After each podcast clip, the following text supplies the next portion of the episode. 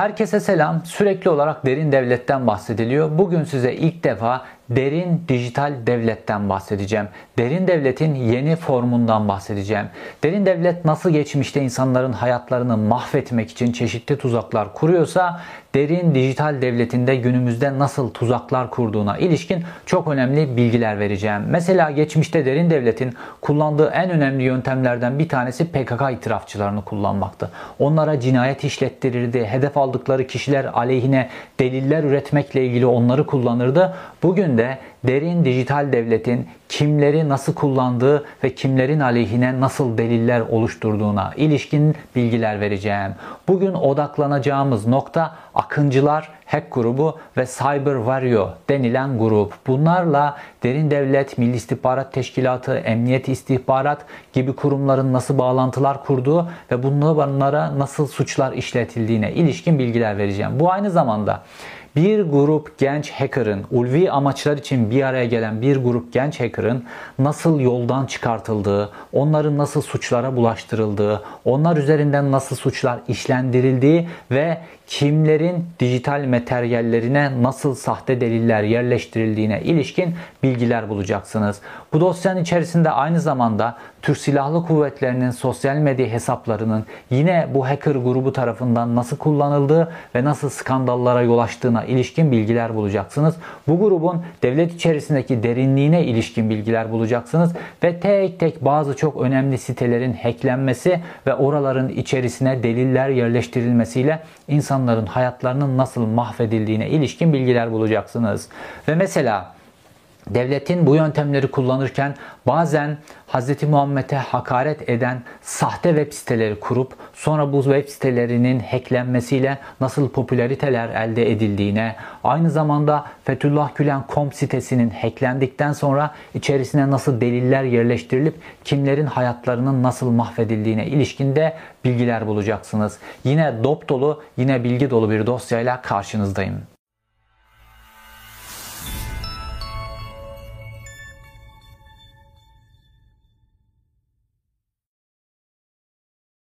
Derin devletin oluşturduğu dijital terörü anlayabilmemiz için önce olayların başlangıç noktasına gitmemiz lazım. Devlet hangi grubu nasıl yoldan çıkardı, nasıl kullandı ve bu yöntemleri nasıl kopyalayıp insanların hayatını şu anda mahvediyor. Buna ilişkin bilgileri anlayabilmemiz için önce olayın başlangıcına gideceğiz. Şimdi Akıncılar hack grubu diye hackerlardan oluşan, genç hackerlardan oluşan bir grup var. Bir de Cyber Vario denen hem bilişimle ilgili çok büyük bir forumun bulunduğu bir web sitesi vardı. Şu anda bu kapandı bu web sitesi. Bunlar üzerinden bir araya gelen gençler vardı ve bunların ilk bir araya geliş amaçları böyle kendilerine göre ulvi amaçları var. İşte Türkiye aleyhine yayın yapan sitelerin hacklenmesi, Türk Silahlı Kuvvetleri aleyhine yayın yapan sitelerin hacklenmesi, işte din, iman gibi e, meselelerde böyle hakaretamiz sitelerin hacklenmesi ve böyle pornografik yayın yapan sitelerin hacklenmesi. Fakat yolun sonunda birazdan size detaylarını vereceğim. Bu ulvi amaçlar için yola çıkmış bu grup genç devletin derinliklerindeki insanlarla temas kurmaya başladıktan sonra öylesine bir noktaya geldiler ki kendileri pornocu oldu. Kendileri porno sitesi işletir hale geldi. Bunların hepsinin adım adım bütün detaylarını vereceğim. Şimdi bu hacker grubu bir araya geldikten sonra kendilerine göre kendi kapasitelerinde bazı işler yapıyorlar. Fakat sonrasında bunların parlatılması ile ilgili bir süreç başlıyor. Ve bunların parlatılıp kamuoyunda da taban bulması ile ilgili süreçte bazı sahte işlemler yapılıyor. Mesela bunlardan bir tanesi bu Akıncılar grubunun, Cyber Warrior'un ismini ilk duyurduğu hadise. Hz. Muhammed aleyhine hakaret amiz bilgiler yayınlayan vesaire bir sitenin hacklenmesiyle ilgili bilgi ve bunun öncesinde bir çalışma yapılıyor. Bu Hz. Muhammed aleyhine hakaret amiz içerikler içeren sitenin önce ismi duyuruluyor.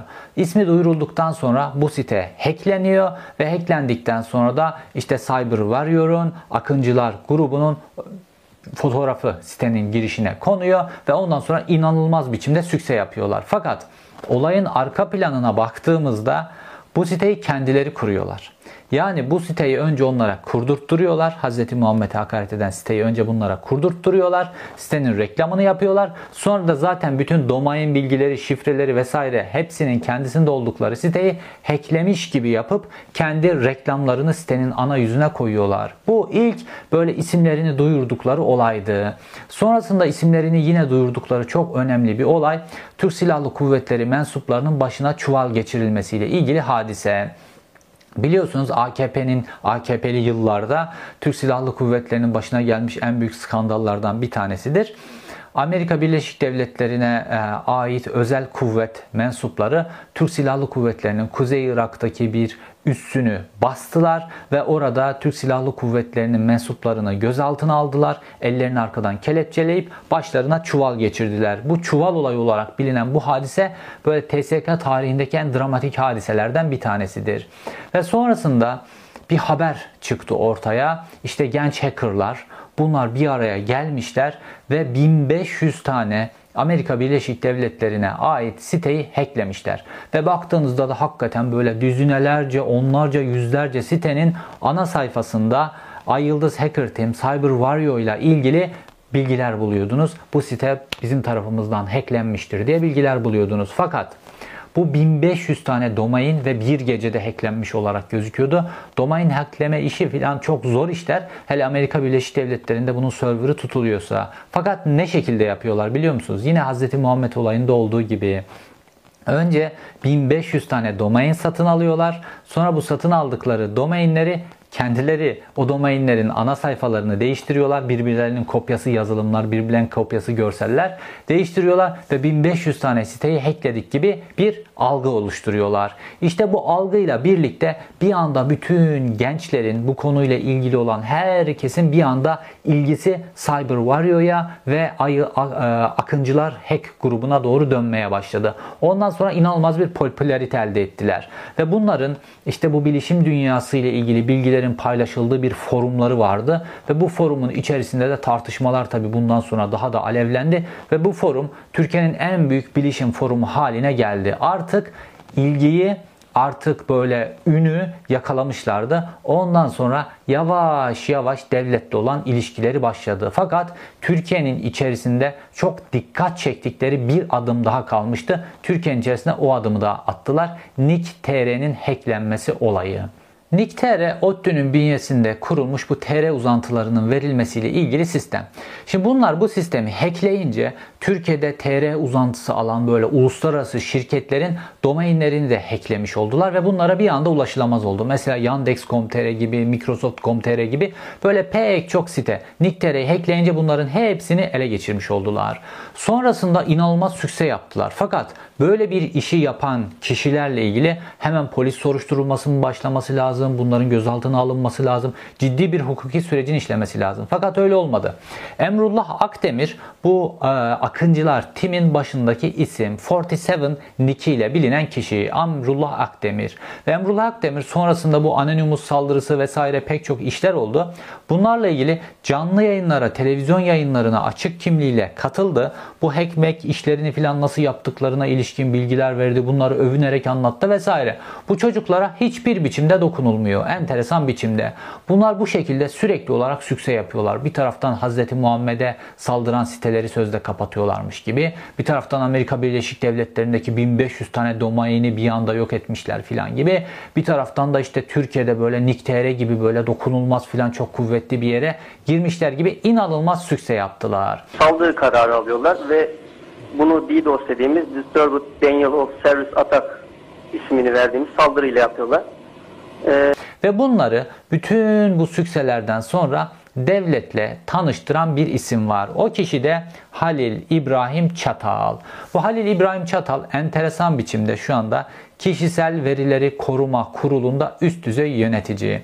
Şimdi enteresanlığa bakar mısınız? Kişisel verilerimizi koruma kurulundaki bu yönetici Halil İbrahim Çatal geliyor ayı bu e, akıncılar timle birlikte çalışıyor. Cyber Warrior'la birlikte çalışıyor ve nihayetinde kişisel verilerin patlatıldığı, kişisel verilerin şantaj unsuruna dönüştürüldüğü ve bu kişisel verilere yapılan eklemelerle insanların hayatının karartıldığı bir sistem.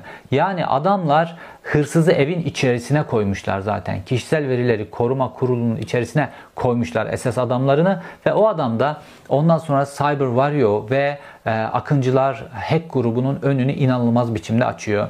Şimdi Cyber Vario'nun başındaki isim Gökhan Şanlı.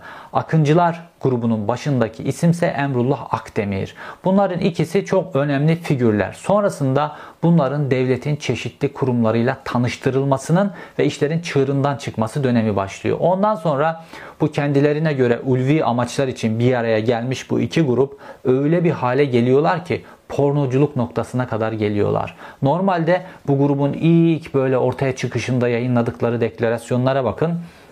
İşte vatan, millet, devlet, din, gençliğin yoldan çıkartılması ile ilgili böyle pornografik yayınlar yapan vesaire yerler bunların hepsinin kapatılmasıyla ilgili ve bunların hacklenmesiyle ilgili gönüllü olarak çalışacak bir grup olarak kendilerini tanıtıyorlar.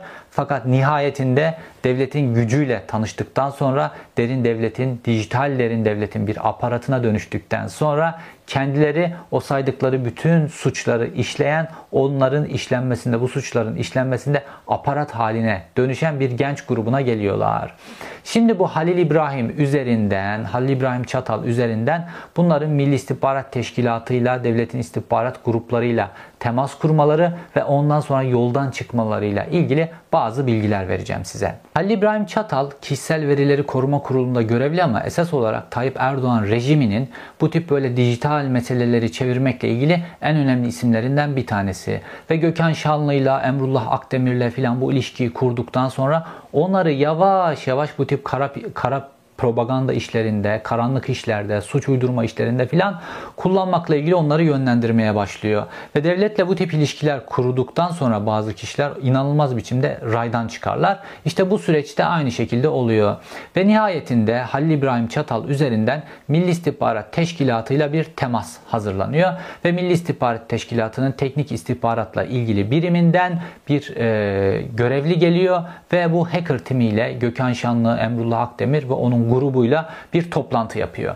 Ve nihayetinde bu toplantıdan sonra Mahmut Esat Yıldırım isimli bir hacker var. Bu hacker'ı Milli İstihbarat Teşkilatı'nda doğrudan işe aldıklarıyla ilgili orada duyuru yapıyorlar. Şimdi bu çok iyi bir havuç. Çünkü bütün o kişilerin hepsi bir gün siz de böyle yeterince Milli İstihbarat Teşkilatı'yla senkronize biçimde çalışırsanız devletle kendilerine göre tabir ettikleri devletle senkronize biçimde çalışırsanız bir gün sizin de kimliğiniz olabilir düşüncesini hepsinin zihnine tohumlamış oluyorlar. Ve nihayetinde ilerleyen süreçlerde de göreceksiniz. Bu grubun içerisinden başka isimler de bu şekilde istihbarat teşkilatında istihdam edilmeye başlanıyor. Ve nihayetinde bu temas kurulduktan sonra bunlara bazı yollar açılıyor. Siz bizimle birlikte çalışırsanız, bizim dediklerimizi yaparsanız çünkü artık onlarla görüşen o Milli İstihbarat Teşkilatı görevlileri, devlet görevlileri tırnak içerisinde Erdoğan rejimiyle koordine çalışan devlet görevlileri ve Erdoğan rejiminin muhaliflerinin hayatlarını mahvetmekle ilgili dijital alanda görevlendirilmiş kişiler ve nihayetinde bu görevi kabul ediyor. Akıncılar grubu Cyber Warrior bu görevi kabul ediyor ve onlara bazı imkanlar açılıyor. Nasıl imkanlar? Bunu size Taylan Kulaçoğlu dosyası üzerinden anlatayım. Şimdi Taylan Kulaçoğlu biliyorsunuz tutuklandı, cezaevine atıldı, üzerine pek çok suçlamalar yapıldı onların üzerine vesaire. Çeşitli hackerlık işleriyle ilgili, çeşitli farklı suçlarla ilgili. Taylan Kulaçoğlu sol görüşlü bir insan, Erdoğan iktidarının karşısında olan bir insan ve kendine göre de etkileyebildiği geniş gruplar var. Onunla ilgili suç unsurları nasıl oluşturulduğu bu kısma gelelim. Şimdi bu Akıncılar e, hacker grubuna açılan, önlerine açılan yöntemlerden bir tanesi SMS verilerine ulaşabilmekle ilgili imkanlar. Şimdi hepimizin sosyal medya hesaplarında e, iki faktörlü doğrulamayı kullanıyoruz biliyorsunuz. Eğer şifremizi değiştirmek istiyorsak, şifre değiştirme talebi göndermişsek bir SMS kodu gönderiliyor bize ve bu SMS kodunu girip ondan sonra şifremizi değiştiriyoruz. Şimdi bu sistemi bunlar kendileri SMS'lere ulaşabildikleri için devlet onlara bu imkanı verdiği için çok kolay. Normalde bir kişinin sosyal medya hesabını ele geçirmek, iCloud hesabını ele geçirmek falan bunlar çok zor işler. Böyle her hacker'ın yapabileceği işler falan değil. Fakat bu şekilde SMS verilerine önceden ulaşabilme imkanı verildiğinde inanılmaz kolay oluyor. Nasıl oluyor? Mesela Taylan Kulaçoğlu'nun hesabına giriyorlar. Mail adresini oraya yazıyorlar ve şifre yenileme talebinde şifremi unuttum diyorlar. Şifremi unuttumu tıklıyorlar. Şifrenizi unuttuktan sonra SMS'te bir kod giriliyor. O gönderiliyor. O kodu giriyorsunuz ve şifrenizi yeniliyorsunuz. Bunlar insanların özellikle uyuduğu saatler, cep telefonuna bakmadığı saatleri vesaire seçiyorlar ki insanlar uyanmasın, hadiseyi anlamasınlar filan. Bu şifre yenileme talebine filan bunu anlamasınlar. İnsanların bu böyle uyuduklarını düşündükleri saatlerde şifremi unuttum talebini gönderiyorlar. Ondan sonra SMS kodu geliyor. Bunlar sistem üzerinden SMS'ten gelen kodları gördükleri için o SMS kodunu giriyorlar ve kişilerin hesaplarını ele geçiriyor. Bunu o kadar çok kişiye yaptılar ki Taylan Kulaçoğlu hadisesinde olduğu gibi İnsanların telefonlarından ya da işte insanların sosyal medya hesaplarına bu şekilde girdikten sonra çeşitli deliller üretmeye başlıyorlar.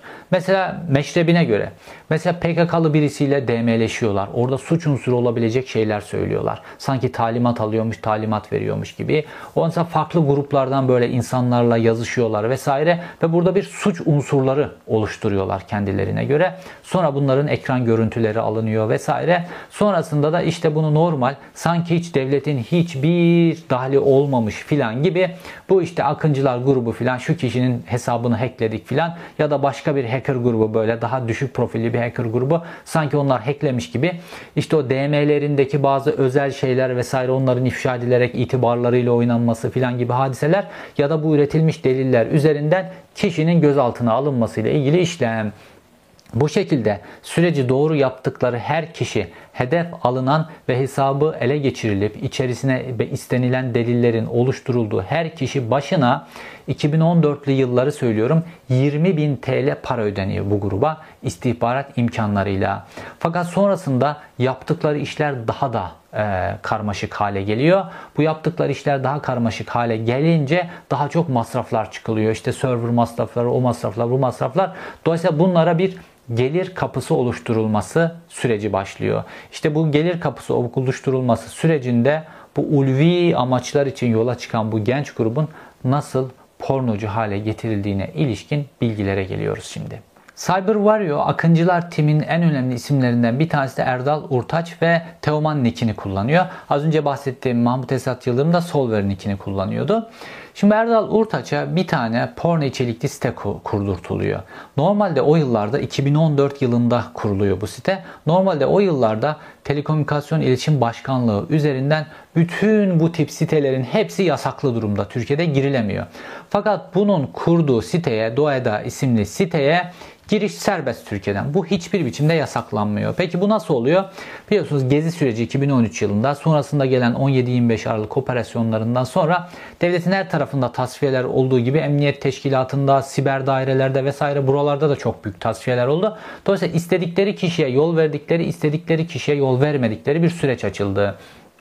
Ve bu Halil isimli kişi ondan sonra onun ağa vesaire bunlar da Erdoğan rejiminin muhaliflerini dijital olarak yok etmek için, dijital olarak oluşturdukları delillerle yok etmek için işte bu ağı kuruyorlar. Fakat bu ağın yaptıkları işlerle masraflar giderek giderek giderek artınca bunlara bir gelir kalemi oluşturulması gerekiyor.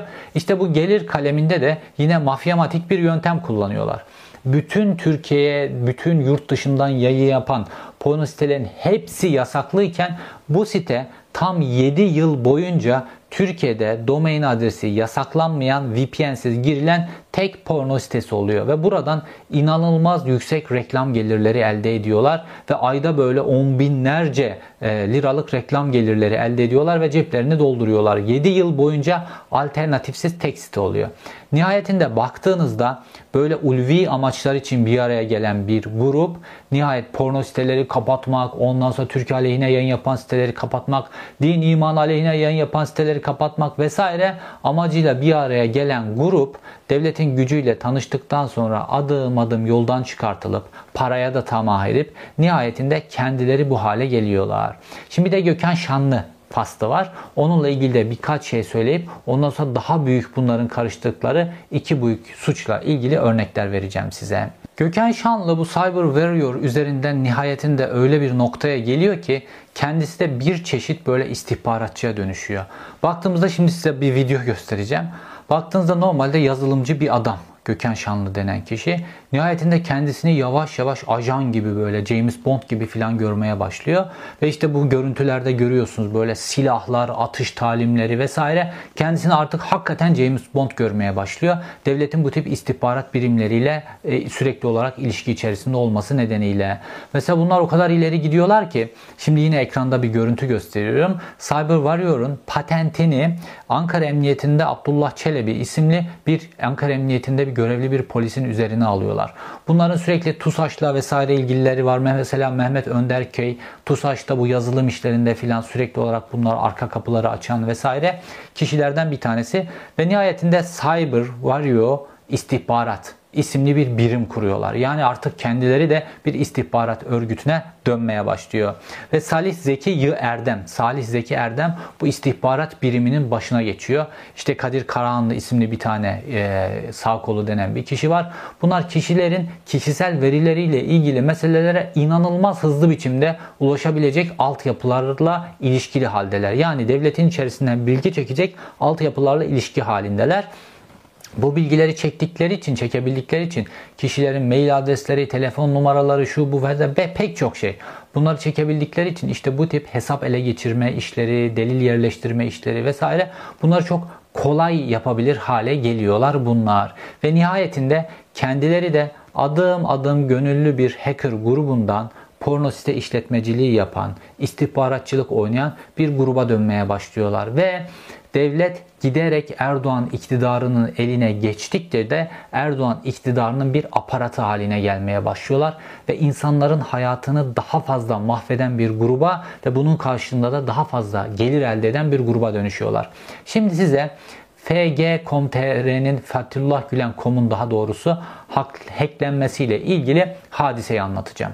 Fgülen.com 2017 yılında hacklendi ve CyberWarrior'un reklam ana sayfasına kondu. Fakat esas olan bu reklam kısmı değil. Esas olan oradaki üyelik bilgilerin alınması ile ilgili meseleler ve bu üyelik bilgilerinin içine yapılacak eklemelerle ilgili meseleler. Burada işte Ankara Emniyetinde görevli Abdullah Çelebi burada devreye giriyor ve Abdullah Çelebi'nin getirdiği isimler var. Bu isimler Fethullah Gülen.com'un FG.com'un üyesiymiş gibi oradaki bütün o verilerin içerisine ekleniyor. Ve bu eklenen isimlerin hepsi neredeyse emniyet görevlisi ya da askerler. Normal mantıkla baktığınızda herhangi bir asker ya da emniyet görevlisi gidip Fgülen.com'a üye olur mu? Fakat o bilgilerin içerisine bunları ekliyorlar ve yaptıkları bu hizmetlerin karşılığında da 2017 yılında tek bir siteyi hacklemekle ilgili 300 bin TL gelir elde ediyorlar. Bunun karşılığında para alıyorlar 2017'nin rakamlarıyla ve o isimleri eklenen herkesin hayatı mahvoluyor. Şimdi birkaç tane emniyet görevlisiyle orada isimleri eklenen birkaç emniyet görevlisinin ismini vereceğim. Muhammed Hanifi Sonkaya, Hüseyin Coşkun, Necmettin Demir, Demirbaş. Bunlar tutuklanıyorlar, meslek hayatları bitiyor vesaire. Hepsi bu oluşturulan Cyber Warrior üzerinden oluşturulan sahte delillerle ilgili. Özellikle bu kısımda çalışan esas kişi Abdullah Çelebi denen e, Ankara Emniyetindeki görevli kişi ve Gökhan Şanlı, onun ekibi, e, Salih Zeki Erdem vesaire bunların hep birlikte çalıştıkları. Yine az önce ismini işte bu porno sitesinin kurulmasında görevlendirilen kişi olarak verdiğim Erdal Urtaş da bu dosyada birlikte çalışıyorlar. Ve nihayetinde ne oluyor? Devlet, daha doğrusu devletin bazı görevlileri, emniyet içerisindeki bir çete kendisine rakip olarak gördüğü insanları tasfiye etmek için sahte delil üretiyor. Ve bu sahte delilleri üretirken devletin bütçesinden de bu sahte delilleri ürettirdiği kişilere para ödüyorlar. Sonrasında da bu, bu sahte delilleri alıp getirip adli delil haline getiriyorlar sözde. Ondan sonra kendinizi aklayabilirseniz aklayın. Bunun içerisinden aklanmanız 10 yıl sürer. Yargıtay'a gideceksiniz, Danıştay'a gideceksiniz, Anayasa Mahkemesi'ne gideceksiniz, bilir kişilere gideceksiniz. Bu delillerin sonradan eklendiğini ortaya çıkartacaksınız filan. Meslek hayatınızda biter, hayatınızda biter. Bu şekilde bu grup böylesine raydan çıkartılıyor. Fakat konu sadece bu meseleyle ilgili değil. Konu bir de bu grubun Türk Silahlı Kuvvetleri içerisinde de ne kadar kuvvetli hale getirildiğine ilişkin çok önemli bir örnek vereceğim size. Ayasofya Camii'nin açılmasından hemen sonra patlak veren bir krizle ilgili. Şimdi hatırlarsınız Ayasofya'nın cami olarak açılışında Diyanet İşleri Başkanı elinde bir tane kılıçla çıktı, hutbe verdi filan. Atatürk'e filan da böyle salladı filan. O zaman bayağı bir tepki oluşmuştu. Ve bu tepkiden sonra Türk Silahlı Kuvvetleri'nin hesabından Anıtkabir fotoğrafı paylaşıldı. Ve böyle pek çok site haber yaptı. İşte Türk Silahlı Kuvvetleri Anıtkabir fotoğrafı paylaşıp günah çıkardı vesaire gibi bir kriz patladı devlet içerisinde. Şimdi bu krizi patlatan kişi Fatih Kahraman isimli Deniz Kuvvetleri personeli. Bu kişi Türk Silahlı Kuvvetleri'nin sosyal medya hesaplarını yönetiyor ve nickini de söylüyorum size Mr. Anderson. Mr. Anderson nickiyle bu grubun üyesi yani Cyber Warrior grubunun üyesi kendisi. Ve bu grubun içerisinde bu tip faaliyetler yaparken aynı zamanda Türk Silahlı Kuvvetleri'nin sosyal medya hesaplarını da yöneten kişi. Ve Ayasofya Camii'nde o e, hutbede Atatürk'e salladıktan sonra Diyanet İşleri Başkanı Türk Silahlı Kuvvetleri'nin hesabından Anıtkabir fotoğrafı paylaştı ve bir kriz patladı. Ve nihayetinde ne oldu biliyor musunuz? Türk Silahlı Kuvvetleri'nin, ondan sonra kuvvet komutanlıklarının sosyal medya hesaplarının kullanılma yetkisi Genelkurmay Başkanlığından ve kuvvet komutanlıklarından alınıp Hulusi Akar'ın yönettiği Milli e, Savunma Bakanlığı'nın emrine verildi ve Milli Savunma Bakanlığı bütün hesaplara el koymuş oldu. Şu an Kara Kuvvetleri Komutanlığı, Hava Kuvvetleri Komutanlığı, Genelkurmay Başkanlığı kendi sosyal medya hesabını yönetmekten aciz duruma düşürüldü bu tip bir operasyon üzerinden. Ve bu Fatih Kahraman isimli kişi bu Ankara Emniyetinde ismini verdiğim Abdullah Çelebi ile inanılmaz samimi bir biçimde bu operasyonu birlikte yönettiklerini ben düşünüyorum. Ve Fatih Kahraman aynı zamanda bu da çok kritik bir bilgi. Genelkurmay Başkanı Yaşar Güler'in e-maillerini her gün kontrol etmekle görevli kişiyi ve Yaşar Güler'in e-maillerini kontrol etmek, Türk Silahlı Kuvvetleri'ndeki çeşitli bilgiler vesaire para edecek ne varsa bunların hepsinin bilgisini Abdullah Çelebi'ye getirip veren isim. Görüyorsunuz bir hacker grubu bu hacker grubu ülke çapında bir kriz çıkartabilecek kadar yetkilere sahip. Bu hacker grubunun üyeleri aynı zamanda polis olabiliyor, aynı zamanda asker olabiliyor. Bunlar bu hacker grubuyla birlikte çalışıyorlar.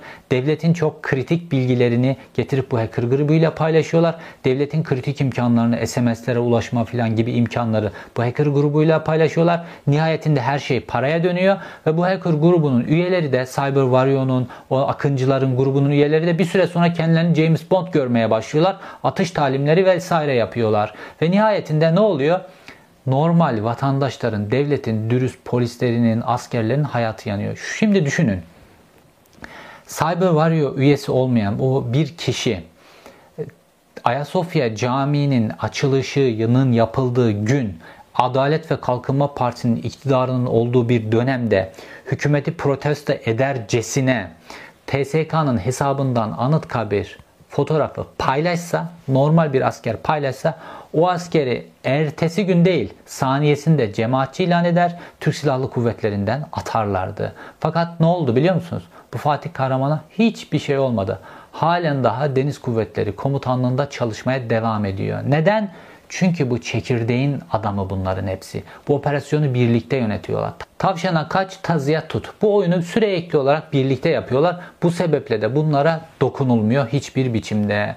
Fakat yöntemler başında söylediğim gibi geçmişte bu derin kirli devletin yöntemleri nasıl idiyse şu anda bu derin dijital devletin yöntemleri de aynı şekilde. Geçmişte ne yapıyorlardı? PKK itirafçılarından bir tanesini alıp elemanlaştırıyorlardı. Ondan sonra onun eline bir tane bir eylemde kullanılmış bir tane Kalaşnikov veriyorlardı. Kendilerinin hedef olarak gördüğü kişinin evine götürüp o Kalaşnikov'u bıraktırtıyorlardı, bahçesine bıraktırtıyorlardı vesaire. Sonrasında hop çok güçlü bir delil elde etmiş oluyorlardı ve nihayetinde o adam iş adamıysa malına mülküne çöküp istedikleri kadar haraç kopartıyorlardı. O adam kendilerine göre işte Kürt siyasi hareketinin içinden bir adamsa adam terörle ilişkilenmiş oluyordu. Ondan sonra yıllarını cezaevinde geçiriyordu vesaire. Açıklaya açıklayabilirsen.